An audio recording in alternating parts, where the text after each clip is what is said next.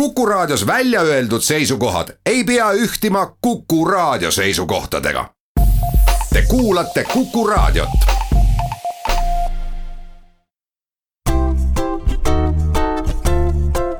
patsiendiminutid, Patsiendiminutid toob teieni Eesti Patsientide Liit. tere, hea Kuku kuulaja mina olen Kadri Tammepuu ja täna me räägime ravikindlustusest. Arvatavasti teab iga kuulaja kedagi, kes on olnud millalgi hädas oma ravikindlustusega. ja põhjused selleks võivad olla väga erinevad, aga umbes viis kuni seitse protsenti elanikest on kas ajutiselt või pikemalt äh, olnud ilma ravikaitseta. Uurimegi siis täna, kas äh, olemasolev äh, ravikindlustussüsteem vajaks kuidagimoodi uuendamist ja kui, siis mida need uued reeglid võiksid kaasa tuua meil on stuudios täna külalisena tervishoiuekspert äh, Triin Haabilt, tere tulemast, Triin! tere kõigile raadiokuulajatele ka minu poolt! tööl käiv inimene on kindlustatud siis, kui tema palk on vähemalt ähm, alampalga tasemel ehk viissada nelikümmend eurot kuus ja tööandja maksab siis tema eest Riigikassasse kolmkümmend kolm protsenti sotsiaalmaksu kolmteist protsenti palgast äh, läheb äh, inimese tervise kaitseks ja kakskümmend protsenti pensionifondi. ja need, kes palka ei saa, aga tahaksid olla ravikindlustatud, äh, peavad ise maksma niinimetatud vabatahtliku kindlustuse eest sada seitsekümmend eurot ja kolmkümmend senti kuus. kes on siis need tööealised, kellel täna ravikindlustus puudub? Et neid tööealiseid äh, on tegelikult päris palju ja, ja kui nüüd natuke niimoodi lihtsustatult öelda, siis võib öelda, et iga seitsmes äh, tööealine inimene on mingil ajahetkel ravikindlustamata. probleem ei ole lastega, probleem ei ole pensionäridega, sellepärast et nende ravikindlustus tekib, äh, kui nii võib öelda, automaatselt töötavatest inimestest, kes jäävad siis sinna lõksu, et kas need inimesed on siis tööturult täiesti kõrvale jäetud? Mingil põhjusel, kas nad ei saa ühiskonnas hakkama, need inimesed võivad olla meie Kalevipojad, kes töötavad Soomes ja maksavad oma makse hoopiski Soome riigile, need inimesed võivad olla noored, kes on just äh, oma koolitee lõpetanud, ei ole tööturule sisenenud, ei ole ennast kuskil nii-öelda muul viisil arvele võtnud, kas töötuna, et neil tekiks õigus äh, siis ravikindlustusele. Need inimesed võivad olla noored äh, pereemad, kelle laps on kolmeaastaseks saanud ja, ja kes samas pole tagasi tööturule läinud ja, ja jällegi ei ole ennast mingil muul moel äh, arvele võtnud üks hiljutine Praxise uuring ütles, et neid inimesi on suurusjärgus Eestis umbes sada kakskümmend tuhat. kolmkümmend viis tuhat nendest võiks olla neid inimesi, kes töötavad välismaal nüüd, kui inimene ei leia tööd, siis äh, ta võib äh, võtta ennast töötuna arvele ja töötuks olemine annabki inimesele ka automaatselt ravikindlustuse. miks siis ähm, ikkagi on probleemiks see, et inimesed, kes tööl ei käi, ikkagi ennast töötuks ei registreeri ja ravikindlustust ei, ei saa? Ütleme, kui eeldus on, et tööealine inimene võiks tööturul olla aktiivne, võiks tööturul osaleda, siis äh, loomulikult äh, riigipoolne ülesanne on võimalikult palju seda teoks teha ja, ja kui inimene vajab tuge, talle seda tuge pakkuda mõnevõrra erinev teema on see, et kas töötamine on eelduseks sellele, kas inimene peaks saama riigi poolt hüvitatud tervishoiuteenust. võib-olla üks meie selliseid äh, mõttelõksusid, kuhu me kinni olemegi jäänud, ongi see, et, et me oleme need kaks asja omavahel sidunud selleks, et tööealine inimene saaks ravikindlustust, peaks ta kõigi eelduste kohaselt olema tööturul aktiivne või siis kuuluma mõnda teise kategooriasse, näiteks kas olema siis töövõimetu või lapsega kodus olev lapsevanem. No kui inimesel on teatud õigused ühiskonnas, siis tal võiksid olla ka teatud kohustused, ehk et äh, minnagi Töötukassasse ja ennast töötuks ära registreerida väga nõus, need on need eeldused, et, et inimestel on teatud kohustused, aga paraku ju, kui me vaatame seda, mis juhtub inimestega, siis mitte kõik inimesed ei suuda neid kohustusi täida või otsustavad neid kohustusi mitte täita, sest noh, me ei saa öelda, et kõik on suutmatud. ja siis ma arvan, me peaksimegi vaatama noh, ühiskonnas laiemalt, et mis selle tagajärg siis on. ja täna, kui me võtame ravikindlustuse, siis on juhtunud see, et igal seitsmendal inimesel ei ole ravikindlustust. ja kui me vaatame ja võrdleme Eestit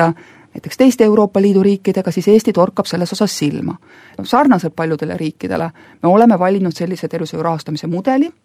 äh, nii-öelda sotsiaalkindlustusmudeli, mis äh, tööealise inimese vaates tähendab seda, et tema õigus ravikindlustusele ongi siis seotud sellega, kas ta on tööturul aktiivne ja kas ta ise või siis tema eest makstakse, makstakse seda maksu. mis äh, maailma kogemus näitab sellised süsteemid ei vähem arenenud ega, ega ka täiesti arenenud riikides, siis kõige paremal jäljel riikides, ei vii selleni, et kõigil inimestel tekiks äh, ravikindlustuskaitse. ja kui vaadata, mida siis äh, võib-olla rohkem arenenud riigid teinud on, nad ongi hakanud äh, leidma viise,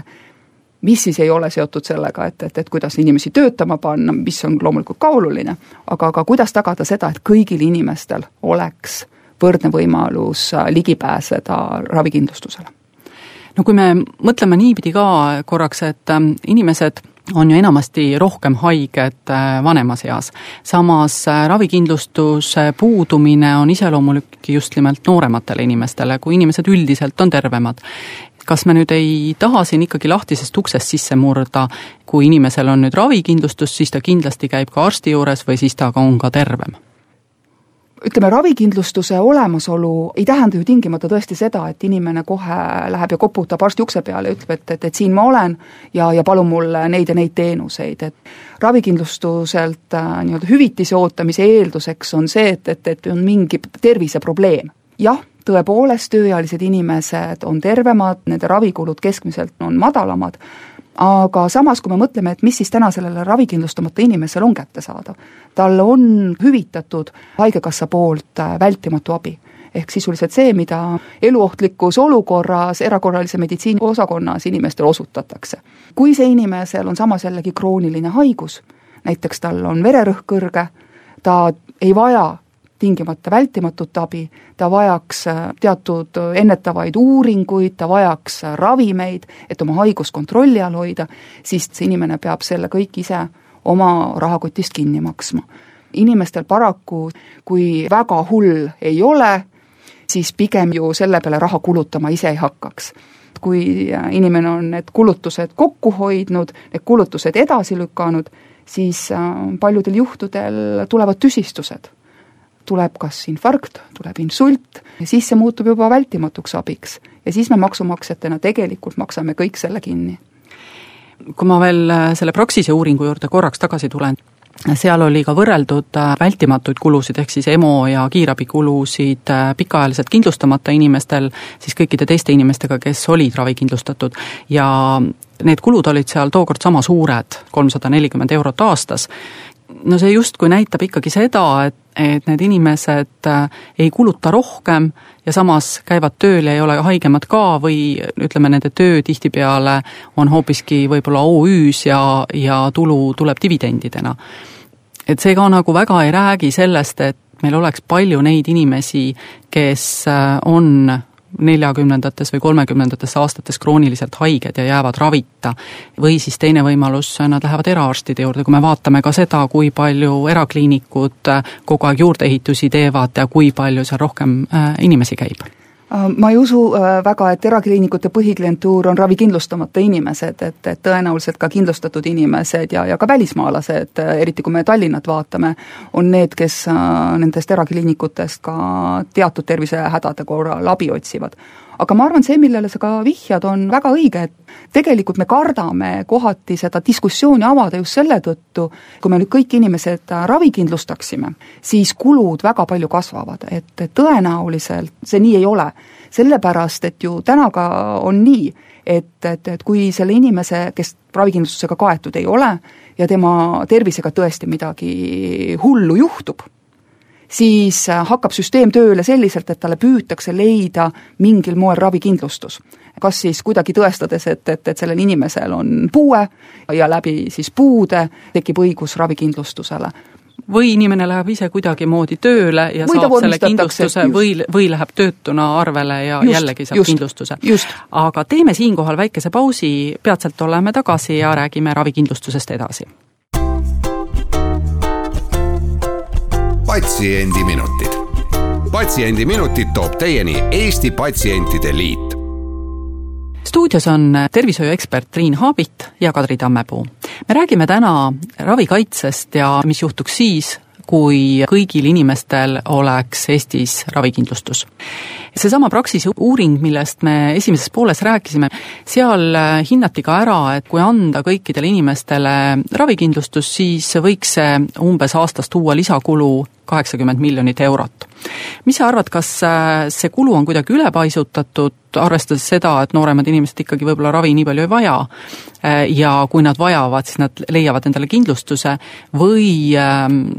võiks olla hoopiski hirm, et äh, see rahavajadus on suurem? Kui ma Praxise metoodikat õigesti lugenud olen, siis, siis ma saan aru, et see arvutuskäik on olnud vastava vanusrühma inimeste siis keskmiste kulude järgi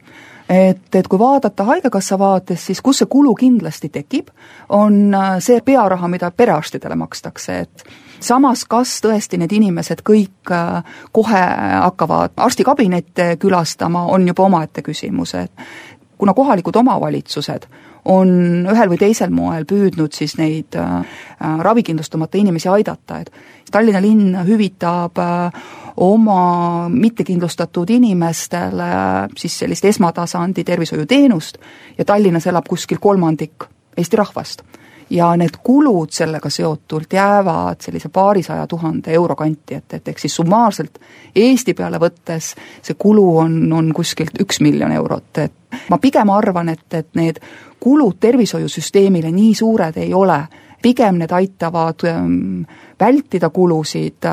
võtta, mis on väljaspool tervishoiusüsteemi, sest et ega kui inimene on jäänud arstiabita, kui tema tervis halveneb, me räägime tööealisest inimesest, see tähendab, et, et see inimene ju ei ole ka tööturul enam või võimeline olema nii aktiivne, ta ei ole võimeline ühiskonnaelus olema nii aktiivne. see inimene hakkab vajama abi sotsiaalsüsteemilt, ehk tekivad kulud sinna süsteemi. summaarselt kulu ühiskonnale meie täna valitud selle mudeliga, kus mingi osa inimestest ei saa õigeaegselt tervishoiuteenust, võib olla hoopiski kulukam jällegi, kui kulu võib tekkida rohkem perearstisüsteemi, siis ähm, see, mida me iga päev kuuleme, on see, et perearstid ei saa täna oma koormusega niigi toime ja perearste lihtsalt ei jätku. kui äh, lisandub sinna uusi patsiente, kas ei või ikkagi teised inimesed, kes täna käivad tööl, maksavad ausalt makse, tunda ennast kuidagi puudutatuna, et ähm, nendele tervishoiuteenus hoopiski halveneb? Tegelikult täna need äh, mittekindlustatud inimesed enamjaolt on kõik ka perearsti nimistutes. nii mõnedki neist otsivad äh, abi oma perearstilt, kui neil tervisehäda tekib. täna lihtsalt on äh, perearst või siis pereõde see, kes peab ütlema sellele inimesele, et, et vabandust, et mina teid aidata ei saa, kui te ise ei maksa. olla sellises tervishoiutöötaja rollis ei ole ka meeldiv, arsti ülesanne peaks olema aidata kõiki inimesi, sõltumata sellest, milline on nende sotsiaalmajanduslik taust täna nad on nagu maksuametniku rolli pandud, et nad peaks andma hinnangu, et, et see inimene ei ole päris nagu see inimene, nagu kõik ülejäänud ravikindlustatud inimesed ja ta peaks kõigepealt korralikult tööle hakkama kui me mõtleme bürokraatia peale üldiselt, siis äh, võib äh, hoida päris palju töötunde kokku, kui keegi enam ei vaata, kes on ravikindlustatud ja kes ei ole. seda kindlasti. Täna nende inimeste süsteemi aitamine on bürokraatlikus mõttes koorem ja kui me mõtleme, et mida on aastate jooksul ju tehtud, on neid äh, ravikindlustuse kriteeriume, ehk et mille alusel inimene ravikindlustust võiks saada, neid on ju kogu aeg täiendatud. Ja kui me mõtleme, mida tähendab üks seadusemuudatus,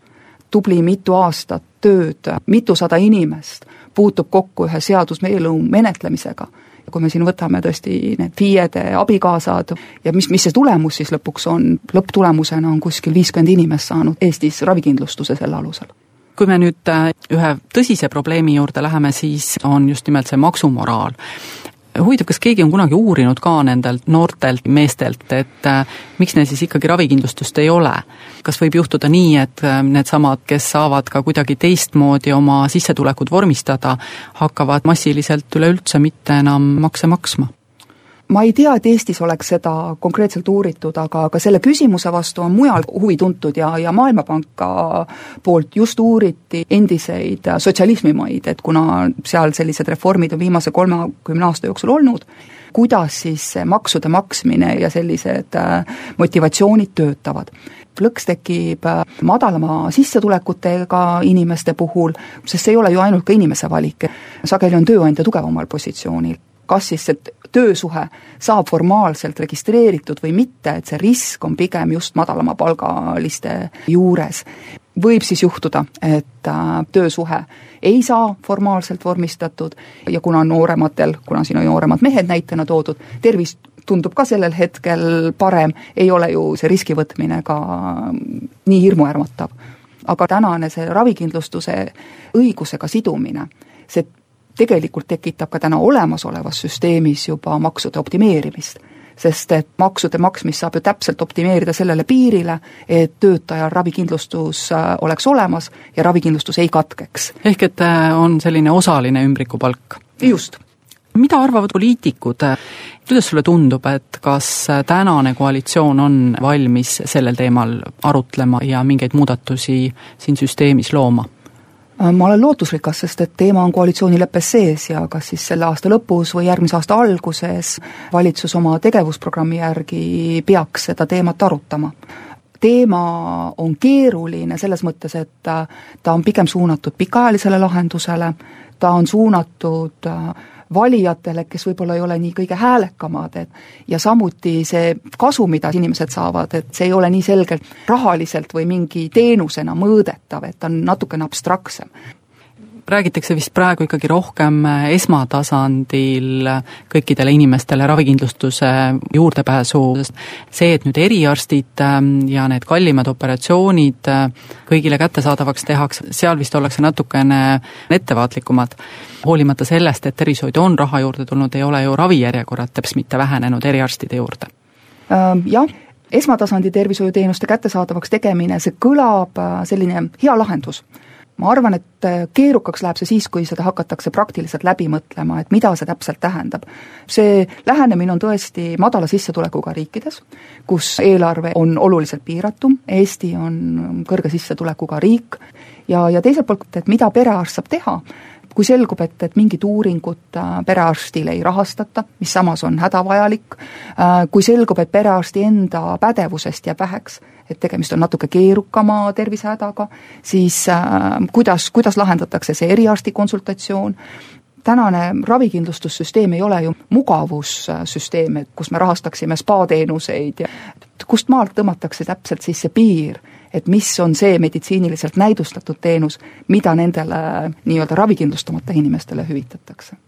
No igal juhul jääme siis põnevusega ootama, mida toovad need arutelud, sest kui me lükkame ravikindlustuse teema sahtlisse, siis äh, sellest tõenäoliselt tekib ajas juurde järjest enam selliseid inimesi, kes pole süsteemiga rahul, kas või need inimesed, kes täna töötavad osalise tööajaga või, või digiplatvormidel või mujal